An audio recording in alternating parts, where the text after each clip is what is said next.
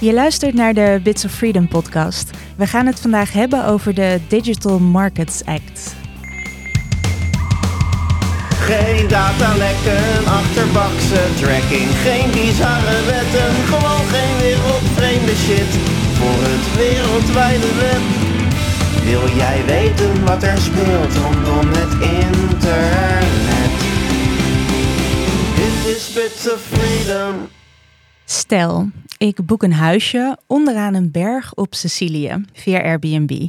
Ik bestel een nieuw badpak via Amazon en rij met de auto via Google Maps mijn vakantie tegemoet. Ik heb dan te maken gehad met tenminste drie hele grote marktpartijen op het internet, die zich nu nog aan regels en wetten moeten houden van een jaar of twintig geleden. Althans, daar houden ze zich nu ook niet echt aan.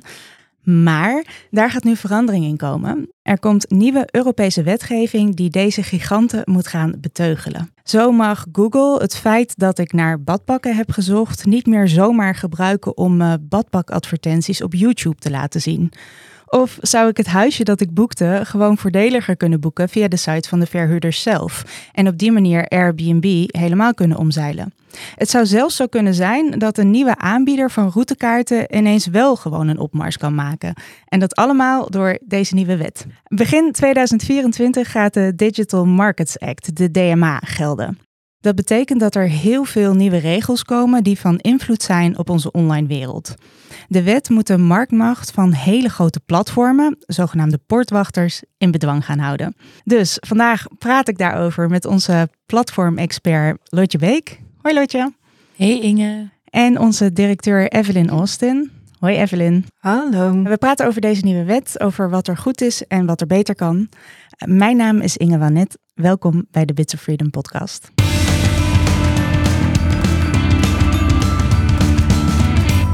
Maar eerst, Evelyn, het internet de afgelopen twee weken. Wat heb je voor me? Kom maar op.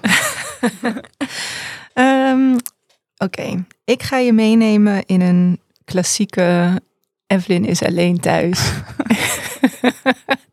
en heeft het internet tot haar beschikking avond.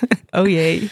Um, ja, ik moest even terugzoeken wat de aanleiding ook alweer was voor deze rabbit hole. Um, maar uh, dat was. Uh, dus het gaat om song lyrics. Oké. Dus ik realiseerde me opeens dat in al mijn internettijd één ding constant is. Ik overdrijf een beetje, maar één ding constant is gebleven, gebleven. En dat is dat ik het internet en internetdiensten gebruik voor songteksten. Ja, en dat kan ook al best wel snel. Ja. Ja. Nou, ik was dus benieuwd. Hoe heeft die ontwikkeling er eigenlijk uitgezien van die websites met songteksten die gewoon heel duidelijk gecrowdsourced waren door mensen waar ook allerlei onzin in stond. Tot aan de, zeg maar, karaoke lyrics die je nu op Spotify en TikTok en Instagram ziet. Oké, oké. Ehm, ja, um, al vrij snel. Dus er was, er was, eigenlijk niet zo heel veel over te vinden. Eén um, ding wat ik al wel vrij snel tegenkwam, was de naam van uh, echt een van de ergste pro-copyright lobbyisten die er bestaat, namelijk David Lowery. Het is echt een draak van een man. Hij heeft in, uh, toen we werkten aan de modernisering van het auteursrecht in Europa, heeft hij een van onze uh, collega's bij een Europese zusterorganisatie gewoon echt beschuldigd van een soort van demonisch zijn. Oh, omdat ze uh, kritiek had op het feit dat al onze communicatie gemonitord zou moeten worden. want het, het goddelijke auteursrecht. Nou, dus, dus ik kwam zijn naam tegen. Hij was een van de uh, drijvende of leidende lobbyisten geweest in 2013 achter een grote aanval van ja, de soort Amerikaanse Buma Stemra op lyric sites. Oh ja, tuurlijk, want die willen dat natuurlijk, die willen daar geld aan verdienen. Ja, ja en op, op songteksten uh, heerst apart copyright of auteursrecht dan op de muziek. Dat is gescheiden van elkaar. Ja. Uh, dat is op zich. Nou, dus dat was 2013 toen. Um, hij heeft toen een, uh, een, een lijstje samengesteld van de, de de sites die volgens hem het meest evil waren. Dit is echt de termen in, waarin hij praat. Wat verschrikkelijk. Ja, en je moet je voorstellen, dit zijn gewoon allemaal fans in principe. Ja. Die, en, en natuurlijk is het zo dat, door, dat er door de tijd mensen zijn gaan denken: oh, we kunnen geld verdienen aan deze content. Dus we gaan advertenties laten zien. Nou ja, daar valt ook natuurlijk wat voor te zeggen dat dat niet zou moeten kunnen. Nou, de wet is ook de wet. Dus er zijn toen is eigenlijk een hele grote omschakeling rond die tijd geweest dat heel veel van die websites licensing agreements zijn gaan afsluiten met de grote partijen. En wat houdt het in?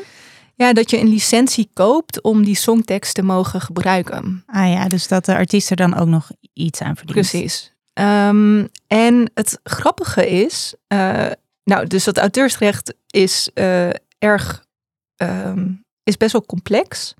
Um, en je hebt bijvoorbeeld een andere licentie nodig voor wanneer je een tekst laat zien dan wanneer je hem gebruikt zoals Spotify nu doet als karaoke-achtig mm -hmm. ding.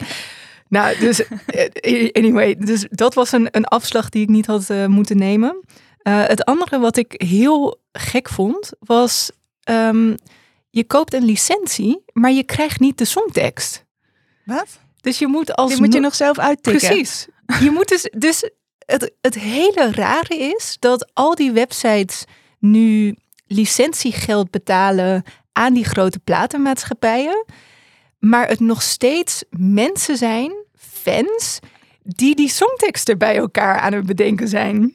Maar er staan ook zo vaak fouten in. Terwijl nu zou je denken, dat zou dan hiermee ook opgelost Precies. zijn. Precies. Nou ja, en uh, ik moet zeggen, dus op Spotify um, uh, pak ik heel vaak, open ik de songtekst bij een liedje en dan ga ik meezingen. Mm -hmm. Dat vind ik leuk.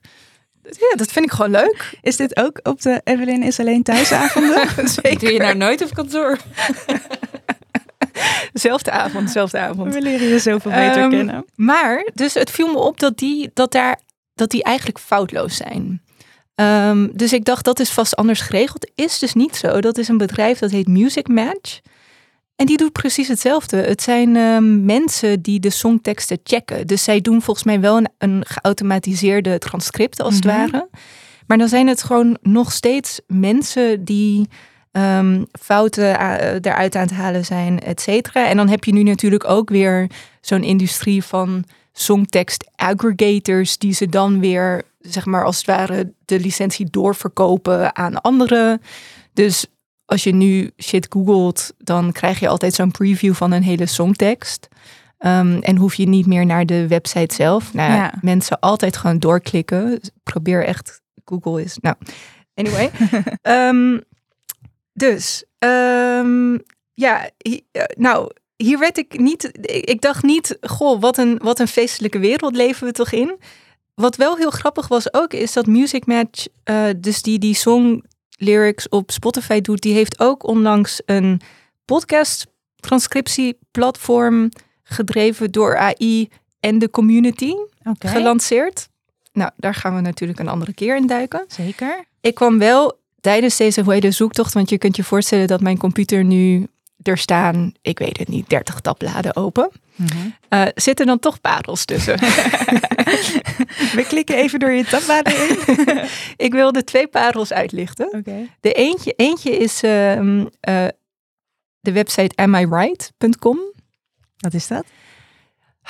Dit is een website, Lotje, jij bent te jong hiervoor, maar mensen van onze leeftijd, Inge, die soms nog het oude internet willen zien en dan daarnaar kijken en denken, oh, het leven was ooit beter. Ja. Dit is een website die, wacht, ze beschrijven het zelf, vind ik eigenlijk prachtig. Het ziet er een beetje uit als een soort christelijke of religieuze website. Wacht even, want ik zie hem hier rechts van me nu in beeld komen. Am I right? Ja. Ja, dus uh, Am I Right? Making fun of music one song at a time since the year 2000. Wauw. En wat ze doen is, um, ze hebben, ze, ze, het is een website devoted to misheard lyrics of the 1980s. Wauw. Dit mag vet. dus nog wel, want dit valt niet om, dus dit valt gewoon binnen een soort van fair use uh, uitzondering. Um, Tiny Dancer van Elton John is natuurlijk een van de meest misheard songs ever. En daarmee bedoel je dat mensen denken dat er iets gezongen wordt, Precies. maar het is iets totaal anders, toch? Op zich hebben veel mensen Tiny Dancer wel goed, behalve dan dat er helemaal aan het begin ook nog verwarring was over of die Tony Dancer zegt. Maar wat mensen bijvoorbeeld maken van Hold Me Closer Tiny Dancer is all the close-up Tiny Dancers, all the close-off Tiny Dancer. Ehm, en dan wordt hij wat poëtischer. All the clouds are tiny dancers. of all the clouds are tired of dancing. Kan ik me ook iets bij voorstellen. Ehm, En all the clowns are tired of dancing. Zou natuurlijk ook kunnen. Ja, we zullen sowieso een, een link naar die website in de show notes zetten. En ik weet zeker dat ik hier op ga verdwalen. Dankjewel weer, Evelyn. Nee, maar ik ben Maar er- de, nee, de volgende Ja, komt. ja. Ja, ja, ja. Oh, we zijn nog niet bij de uitsmijter. De rechtsgeschiedenisblog van Otto Vervaart. Wat? Dat is een WordPress-website, een blog die werd bijgehouden door een jurist die Otto Vervaart heet. Eh, hij doet het geloof ik al tien jaar niet, maar het is nog online. Oké. Ehm, ik denk dat dit in mijn browser is verschenen omdat ik dingen had gegoogeld als lyrics, legal, ik weet het niet, Mhm. dingen die je dan zoekt. Anyway, hij heeft een blog geschreven die heet The Legal Song, Legal History and Lyrics. Waarin hij een uiteenzetting doet van eh, liedjes waarin over het recht wordt gezongen. Wat feestelijk. Lotje kijkt me met veel plezier aan. Ehm, en ik, eh, eh, ik wilde één liedje die hij eh, benoemt, wilde ik even aan je eh, laten horen. Het is een ehm, nummer. Het heet Sing That Law Again. En het is van Fraggle Rock. Wauw. Wat een spin-off is van The Muppets. En eh, we gaan er volgens mij nu naar luisteren. Praising or praising the name of the law.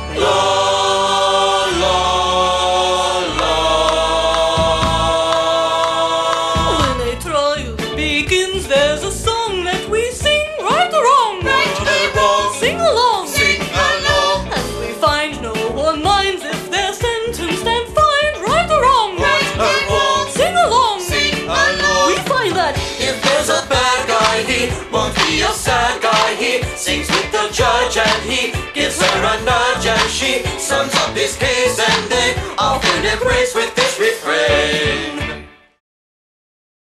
Dus wat ik heel leuk vond aan dit liedje, is dat ze er echt van uitgaan dat, of dat het hele liedje ook gaat over een, een bad guy die no longer a sad guy is op het moment dat het recht heeft gesproken.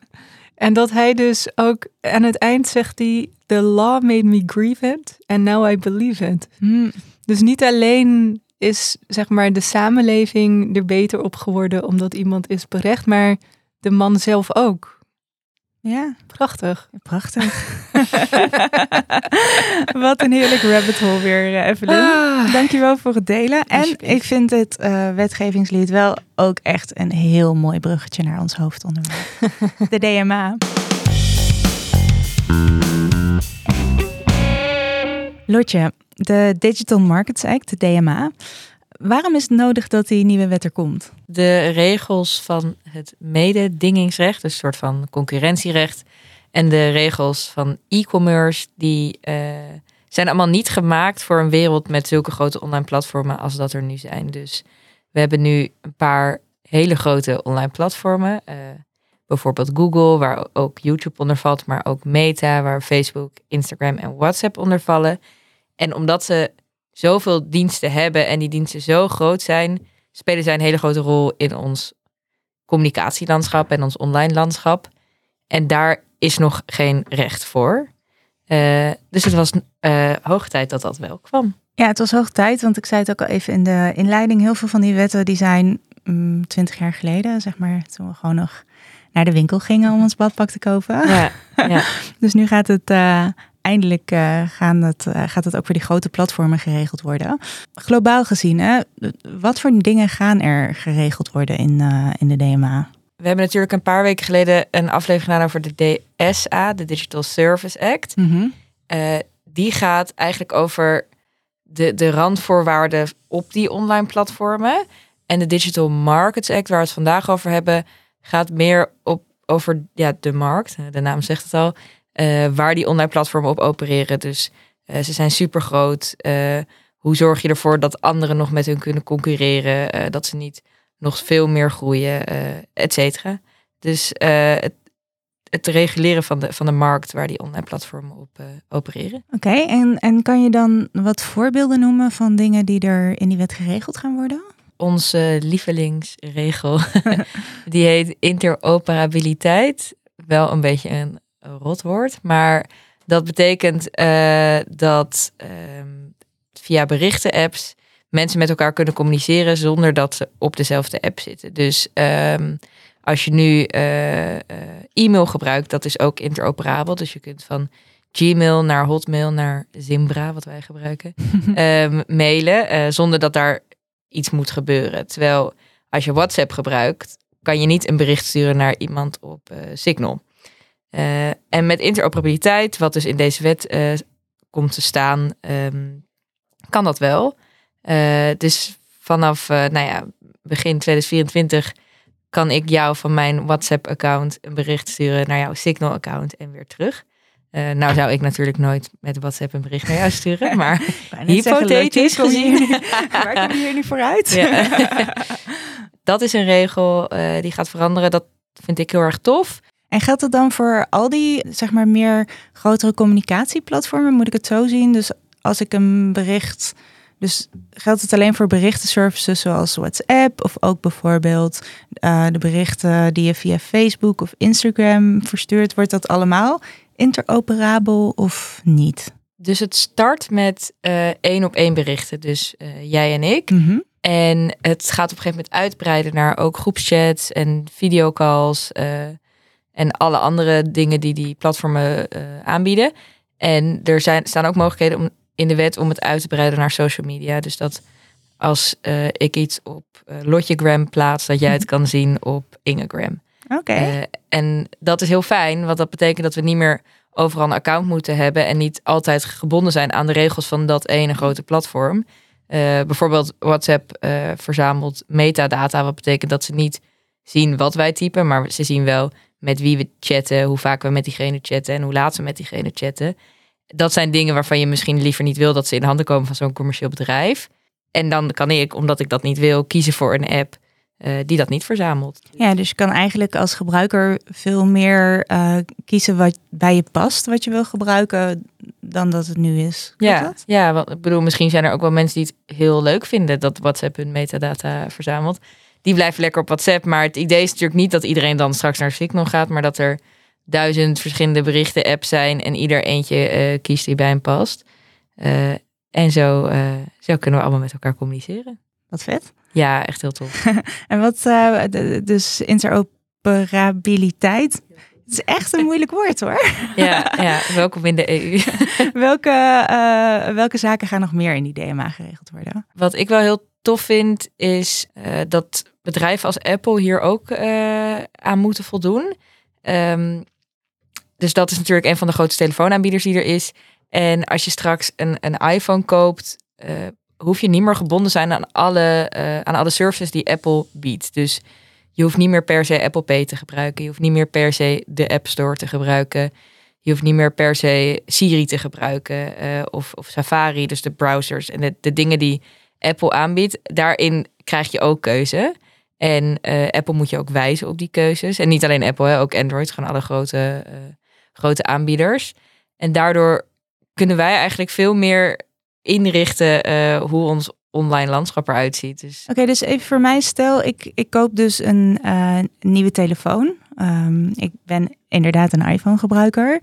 Dan kan ik er straks voor kiezen om dat niet, daar niet de software van Apple op te draaien. Ja, tenzij het software is die soort van noodzakelijk is om die telefoon draaiende te houden. Eh, maar ja, dus je kan dan de, de Google Play Store gebruiken, bijvoorbeeld in plaats van de App Store of een App Store die leuker is dan al die grote platform App Stores.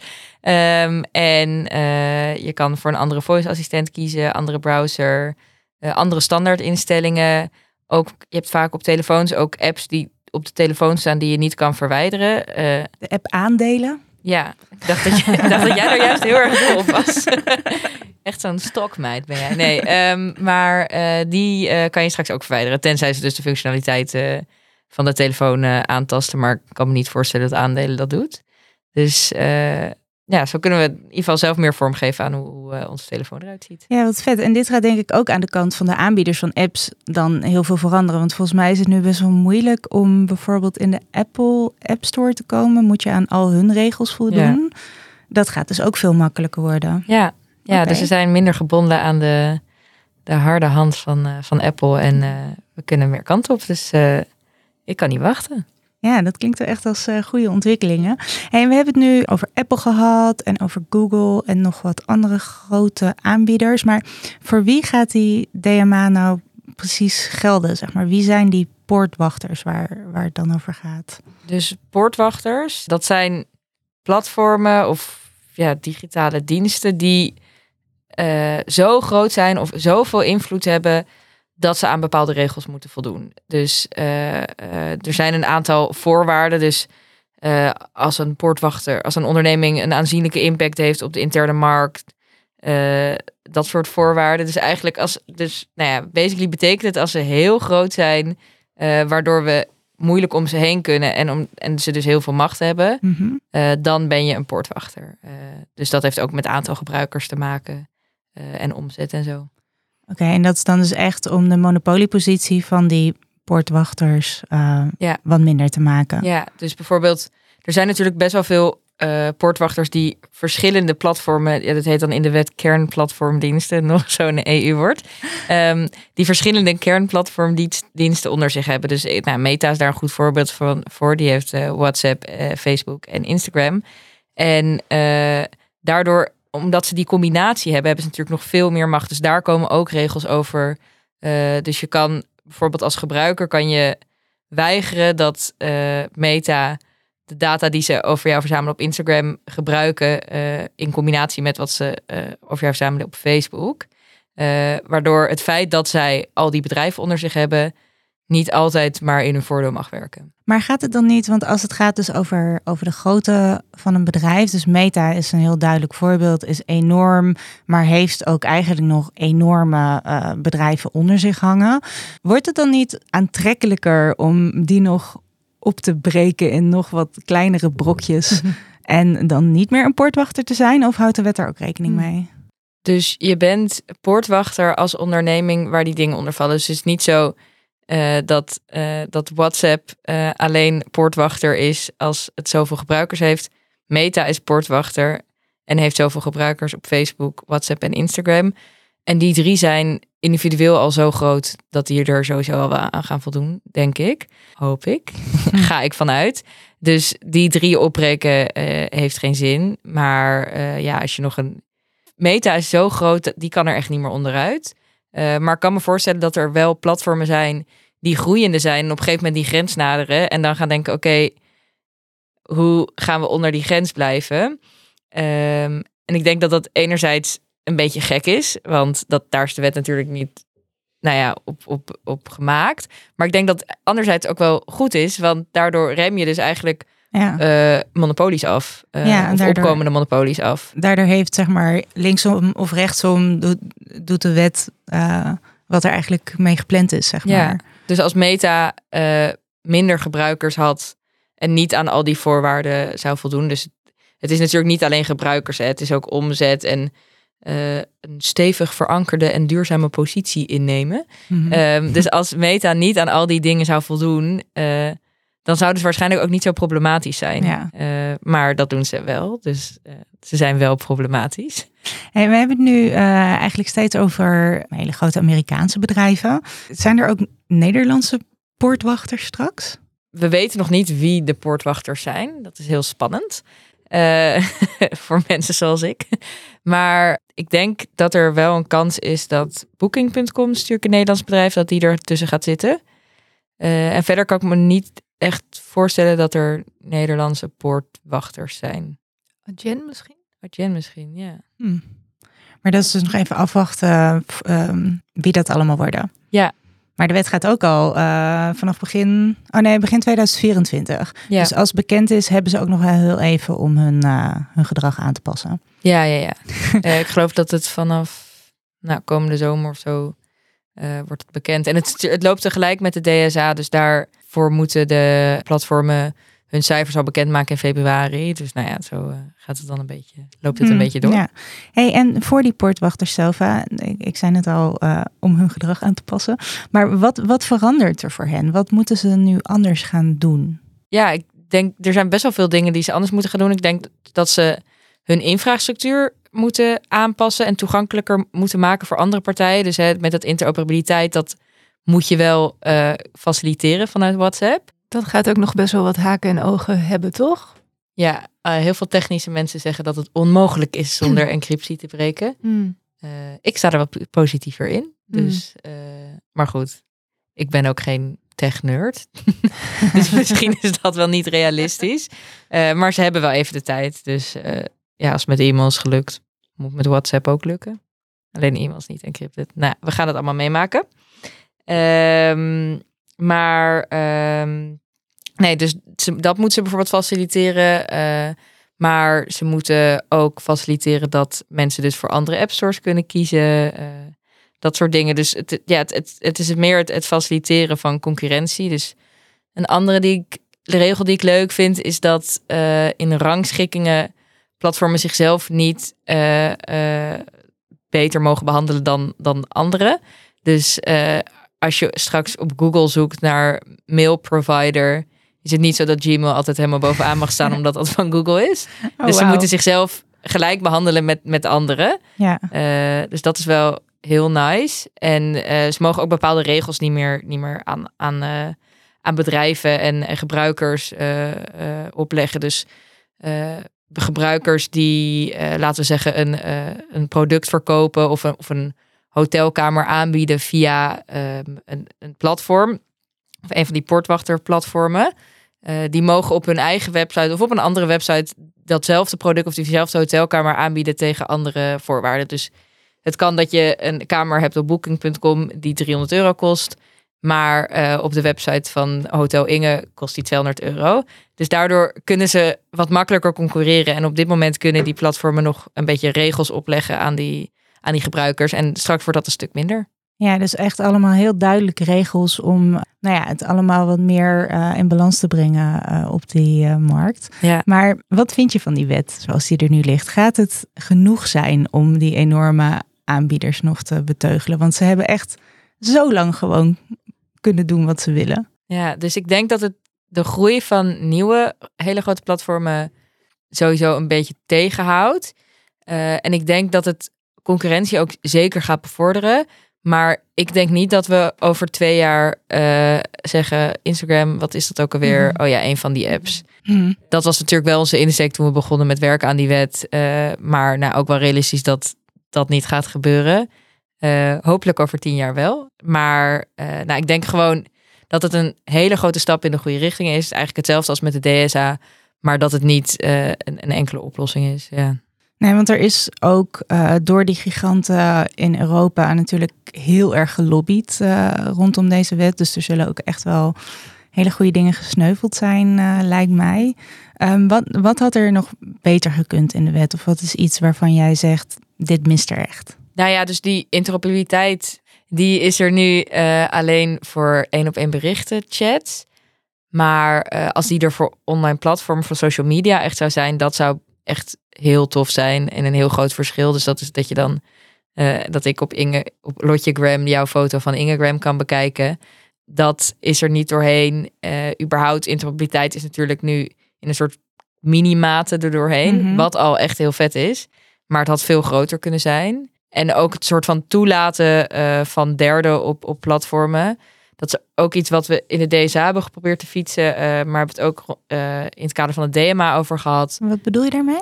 Dus bijvoorbeeld dat eh, die algoritmen die bepalen welke content je eerst te zien krijgt en welke je daarna te zien krijgt. Zoals Mhm. bijvoorbeeld bij TikTok. Dat die algoritmen ook gemaakt kunnen worden door derde partijen. Dus dat eh, niet ik, want ik ben geen technerd, maar bijvoorbeeld onze collega Joran een algoritme kan schrijven op basis waarvan wij content te zien krijgen op TikTok. En Joran die zou dan een algoritme schrijven die dat eh, op basis doet van chronologische volgorde of eh, brede informatievoorziening. Waar TikToks algoritme vooral eh, gebaseerd zijn op verslaving en geld. Ja, Ehm, dus dat soort dingen missen nog. Ja. Eh, maar goed, eh, we moeten door met die platformen. Dus er is nog heel veel ruimte voor verbetering. En daar gaan we ons gewoon ook voor inzetten de komende jaren. Ja, want kan zo'n zo'n wet in de loop van de tijd eh, eh, kan beter worden? Ja, dus die interoperabiliteit is best wel gefaseerd, wordt dat inge, ingevoerd. Dus dat gaat steeds een stapje verder. En er zijn dus ook mogelijkheden om daar steeds meer dingen aan toe te voegen. Het, het ding met zo'n wet als deze, die op platformen is die super snel veranderen. Hè? Ik bedoel, drie jaar geleden eh, heette TikTok volgens mij nog Musically. Mhm. En eh, een maand geleden wist niemand wat Bireel was. Dus een markt die super snel verandert. Dus zo'n wet moet ook een beetje mee kunnen veranderen. En ik denk dat dat wel redelijk eh, eh, gedaan is in de, in de DMA. Het is ook wel heel tof om een soort te fantaseren over welke diensten er allemaal kunnen ontstaan nu er een beetje eerlijke competitie of concurrentie mogelijk is. En dat, en dat al die start-ups die nu eigenlijk als exit strategy hebben opgekocht worden door Facebook als een soort Mhm. van het ja eh, dat, dat, dat er andere prikkels ontstaan. Ja, dus ik zat ook een soort van te fantaseren over iets als Airbnb. Eh, want nu op Airbnb, dan vind je een huis. eh, en dat, dat wordt dan alleen aangeboden op Airbnb Hmm. meestal. Eh, als al die mensen hun eigen website zouden hebben. Dus dat mensen eigenlijk alleen Airbnb Hmm. gebruiken om het huis te vinden. Maar dat de Airbnb er helemaal niks aan verdient. omdat iedereen op de eigen website boekt. En dat ze dan failliet gaan. dat lijkt me super cool. Oké, maar ook met check. berichten apps. Hè. Nu, wij gebruiken natuurlijk Signal. ehm, maar eh, ik kan me voorstellen dat, er, dat dit ook een incentive is om berichten apps eh, te gaan creëren of groter te gaan maken. eh. Ja, en om hele goede berichten-apps te gaan maken. Ik heb er nu natuurlijk een paar op mijn telefoon, want ik heb inmiddels wel veel mensen ook over naar Signal. Ook mijn familie-app, Yeah. zeg ik daar dan altijd trots bij.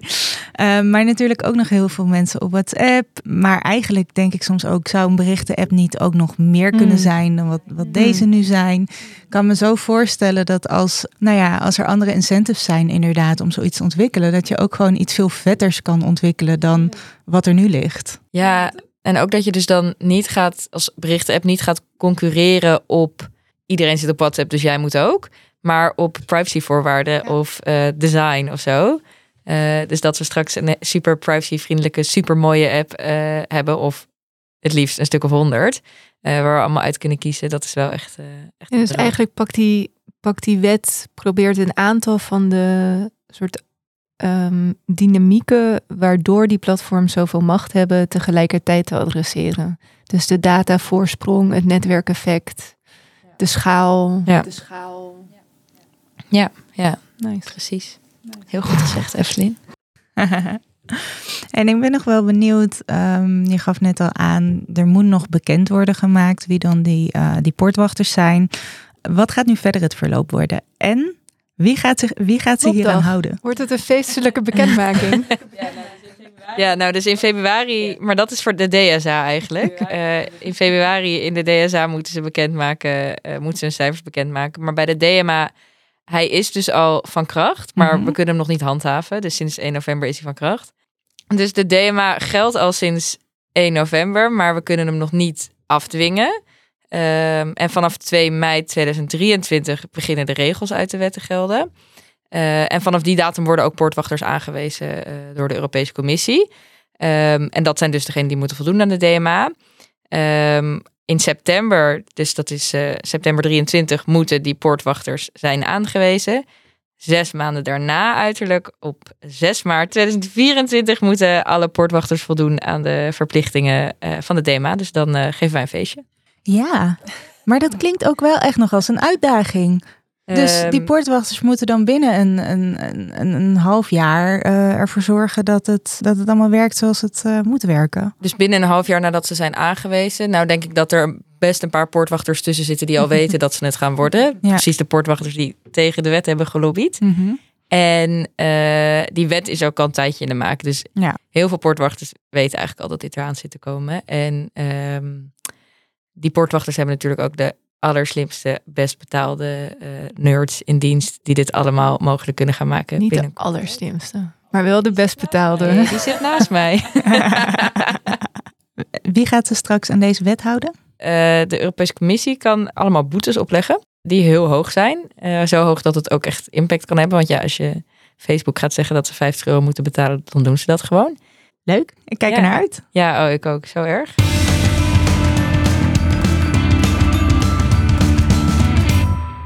We sluiten de podcast elke week af met een telefoontje naar iemand met een bijzondere kijk op het internet. Deze week bel ik met Robin Pokorny. Zij diende samen met Racism and Technology Center een klacht in bij het College voor de Rechten van de Mens over het gebruik van racistische anti-speak-software door haar universiteit tijdens het afnemen van tentamens tijdens de coronapandemie. Proctorio, de software die de VU gebruikt, herkende haar gezicht niet omdat ze een donkere huidskleur heeft. Het duurde daardoor dus heel lang voordat ze in kon loggen en moest het tentamen uiteindelijk maken met een felle lamp in haar gezicht. Ik ga haar bellen. Hallo. Hey, met Inge van Witse Freedom. Hoi Inge met Robin. Hallo. Ehm, we hebben korte tijd, dus eh, laten we eh, beginnen. Even voor de luisteraars. Kan je uitleggen wat er precies gebeurd is? Nou, wat er gebeurd is, is dat tijdens mijn examens die ik moest maken eh, in, tijdens corona, eh, de universiteit gebruik maakte van software, zodat studenten ze konden kijken of studenten spiekten of niet. En om in die software te kunnen inloggen en daardoor ook om in je examen te kunnen inloggen, eh, moet je door een paar checks. Een face scan onder andere. Ehm, maar die face scan, om dus naar je examen toe te gaan, werkte bij mij niet, eh, omdat eh, door mijn donkere huidskleur. Ehm, dat de, het algoritme, de AI, ehm, de donkere huidskleuren niet goed kan eh, herkennen. Echt super heftig. Dus jij zat daar klaar om je tentamen te maken en je werd niet herkend door de software die je moest gebruiken. Ja, dan stond ik inderdaad daar, mijn tentamen, en heel nerveus natuurlijk, want je bent thuis en in een, een, in een omgeving en een ta- tentamen aan het maken waar je het al niet heel erg gewend bent. Eh, er is corona, je zit veel thuis en dan ehm, kom je niet door een software heen die, waarvan wel gezegd wordt van tevoren dat het maar een hele makkelijke stap is. Ja, Maar het werkt niet. En dan moet je soort van gaan uitvinden waarom dat is. En dat is bovenop alles ook gewoon veel stress ja. eh, dat dat geeft. ja logisch ook, verschrikkelijk dat je dat eh, mee hebt moeten maken. En ongelooflijk stressvol lijkt het me ook, eh, inderdaad. Ehm, hey, en, Ja. en toen, dus, dus dit gebeurde, eh, heel veel stress rondom de tentamen. Toen ben je naar de universiteit gestapt, toch? Hoe, hoe zijn zij daarmee omgegaan? Ja, klopt. Dus eh, omdat eh, de oplossing voor mij was om een lamp in mijn gezicht te schijnen, terwijl het wel gewoon daglicht was, zodat de eh, software mij wel kon herkennen, is dat ook een, een heel erg oncomfortabele situatie om gewoon je, je examen te maken. Dus ik ben er natuurlijk mee naar de universiteit gegaan en ik heb gevraagd of gezegd eigenlijk meer dat ehm, er problemen zijn met de, met de software. Mhm. Ehm, en dat had ik ook, heb ik ook mezelf daarin eh, proberen te, de rationaal daarachter, is dat ik ook uit was al had, ge- had gevonden dat studenten in het buitenland, voornamelijk in Amerika, met dezelfde software ook last hadden van met inloggen. En die eh, studenten waren ook zwart of van kleur. Mhm. Ehm, en de universiteit heeft daar in eerste instantie niet heel veel eh, ehm, ehm, eh, antwoord op gegeven. Dat was een heel erg kastje naar de muur geval. Mhm. Maar het was nou, je mag je klacht daar indienen of je kan daar praten. Eh, maar om een formele klacht in te dienen was in eerste instantie heel erg lastig binnen de universiteit. Wauw. En jij zegt naar. ik- dat je zelf onderzoek ging doen, want eh, het was eigenlijk gewoon op dat moment met betrekking tot deze software best wel algemeen bekend dat deze problemen er zijn, toch? Eh, ja, dus deze software was al van ehm, in, het, in het begin al, nou niet, rond in 2020 voornamelijk, omdat het toen Mm. heel veel gebruikt werd. Maar deze software was al bekend als een software die ehm, ja, naast dat het dat discriminerend is, omdat het zwarte gezichten of mensen met een hoofddoek niet kon herkennen, ehm, ook eh privacyproblemen had. Dus deze software had al problemen en haken en ogen zat er al aan. Ehm, en was het dus voor mij ook een verrassing dat dat van tevoren, dat deel van de discriminatie van tevoren niet gecheckt was door de universiteit. Of in ieder geval met belang naar gekeken was.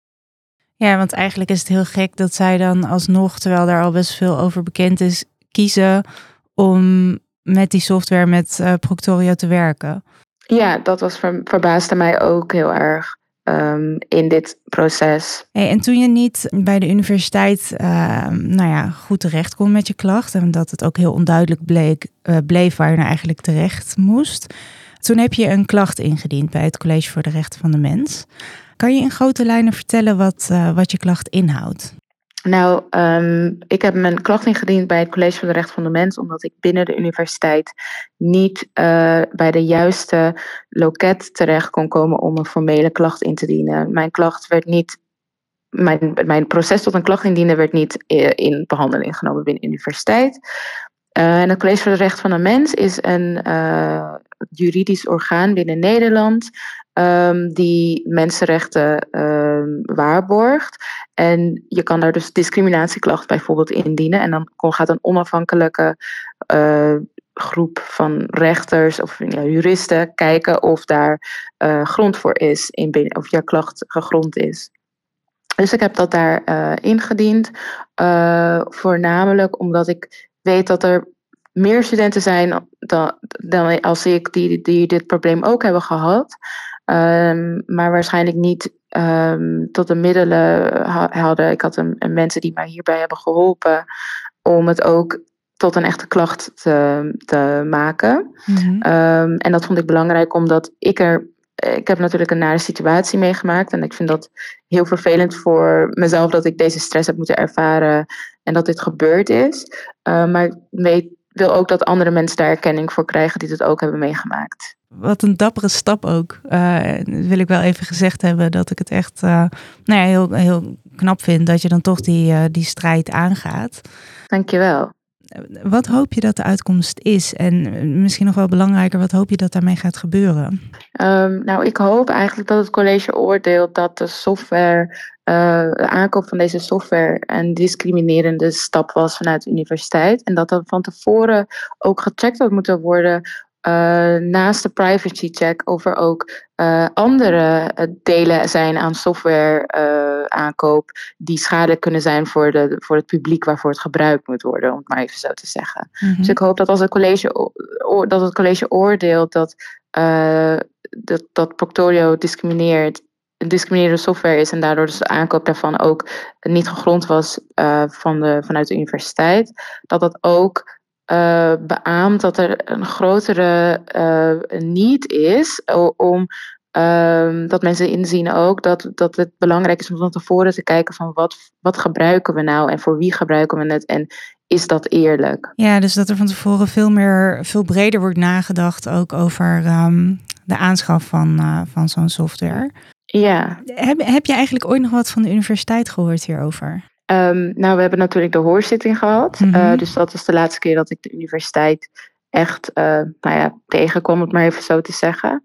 Um, ik heb verder geen uh, contact meer gehad met de universiteit over deze zaak. Um, ik studeerde natuurlijk nog steeds wel, maar over de zaak niet meer, nee. Jeetje, wat bizar ook hoe ja. daarmee om wordt gegaan. Ja, ja. Dat, dat vind ik inderdaad ook wel heel jammer. Ja, snap ik. Nou, ik hoop in ieder geval dat, dat je klacht gegrond wordt uh, verklaard. En um, ook dat de VU gewoon uh, zijn nou, dat vooral toch? Dat het uh, niet nog een keer gebeurt. Ja, ja, dat zit ook in het checken mm-hmm. van tevoren. Dat is het verantwoordelijkheid ja. nemen van. Uh, dat, dat is inderdaad ook. Oh, wacht, dat ben ik even tussendoor. Eigenlijk wel vergeten te zeggen dat het dat ook heel belangrijk is. Dat ik vind dat de VU excuses moet aanbieden. Nou, bij deze. ja. maar je kan ja, het ook okay. nog. nou ja, dus ik, ik, ik ben dat sowieso mm, met je eens, ja. zeg maar. Ik vind het echt uh, bizar dat je een beetje van het kastje van de, naar de muur wordt gestuurd. En een soort van over je gevoel hierover mag gaan uh, mm. praten. En een soort van niet serieus wordt genomen in een hele gegronde klacht, lijkt mij. Ik vind het heel vreemd om met, zo met je studenten om te gaan. Ja, ik zou dat inderdaad ook wel fijn vinden als dan, nou ja, als de VU daar ook excuses voor aanbiedt. Niet, niet alleen naar mij toe, maar ook aan de studenten die dit ook hebben meegemaakt. En niet daar misschien bewust van zijn geweest. Of misschien studievertraging hebben mm. opgelopen. Of andere, op andere manieren benadeeld zijn. Um, want daarom heb ik ook deze klacht natuurlijk ingediend. Want als het alleen om mijzelf ging. Ik heb uiteindelijk gewoon mijn examens gehaald. En ik hou ook niet uit het indienen van deze klacht mm. persoonlijk. Dus daarom hoop ik nog meer dat het niet alleen een bewustwording creëert, maar ook de verantwoordelijkheidsaspect vanuit een instituut zoals de Ja. universiteit ehm, daaruit Het komt. is ook heel gek, want als de VU jou dus, want, eh, on, heus had bejegend, zeg maar in de vorm van een mens, van een surveillant bij zo'n tentamen, dan, zouden, dan had de universiteit heel anders gereageerd. En dan waren excuses zeg maar het minste wat ze zouden kunnen doen. Maar omdat er nu een soort technische layer tussen zit, is er Klopt. opeens is het niet hun verantwoordelijkheid. Dat is bizar. Dus ik heb aan de VU gestudeerd en ik heb ook echt over dit soort dingen les gekregen. Eh, ik vind het echt opvallend dat het juist ook daar dan gebeurt. Nou ja, eh, moeten ze eigenlijk naar hun eigen lessen toe gaan. Ja, ik heb ook over dit soort dingen les gekregen. ja, Maar dat is ja, wel echt gek. Dus niet, eh, dus niet in de uitvoering. Ehm, Nee, het wordt niet in de praktijk gebracht. Ja, Ja. ze moeten wat beter opletten bij hun eigen colleges. Ehm, Robin, heel erg dankjewel dat je hier eh, even met ons over eh, in gesprek wilde. We houden natuurlijk eh, nou ja, in de gaten wat er, eh, wat er gebeurt qua eh, uitspraak van het college. Dankjewel en eh, heel veel succes. Dank jullie wel.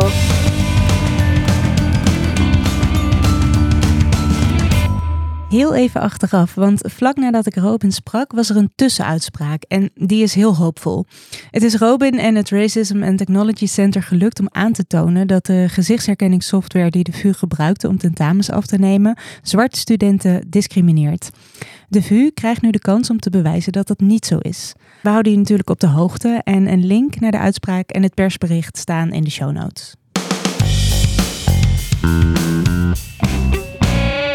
Ook nog een tip van mij. Onze nieuwe campagne Data Zo Zit Dat lanceerde vorige week op Internationale Mensenrechtendag.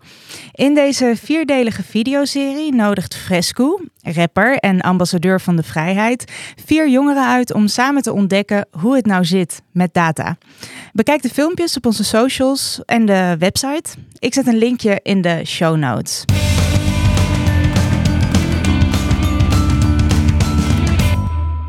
Deze podcast werd gemaakt door Bits of Freedom. Je hoorde mij, Inge Wanet, onze directeur Evelyn Austin en Lotje Beek.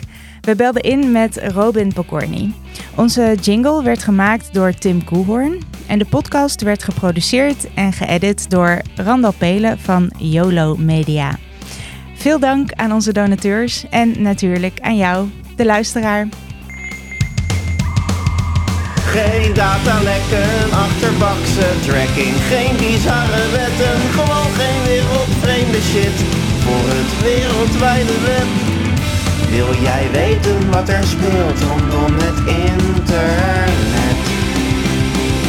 Dit is Bits of Freedom.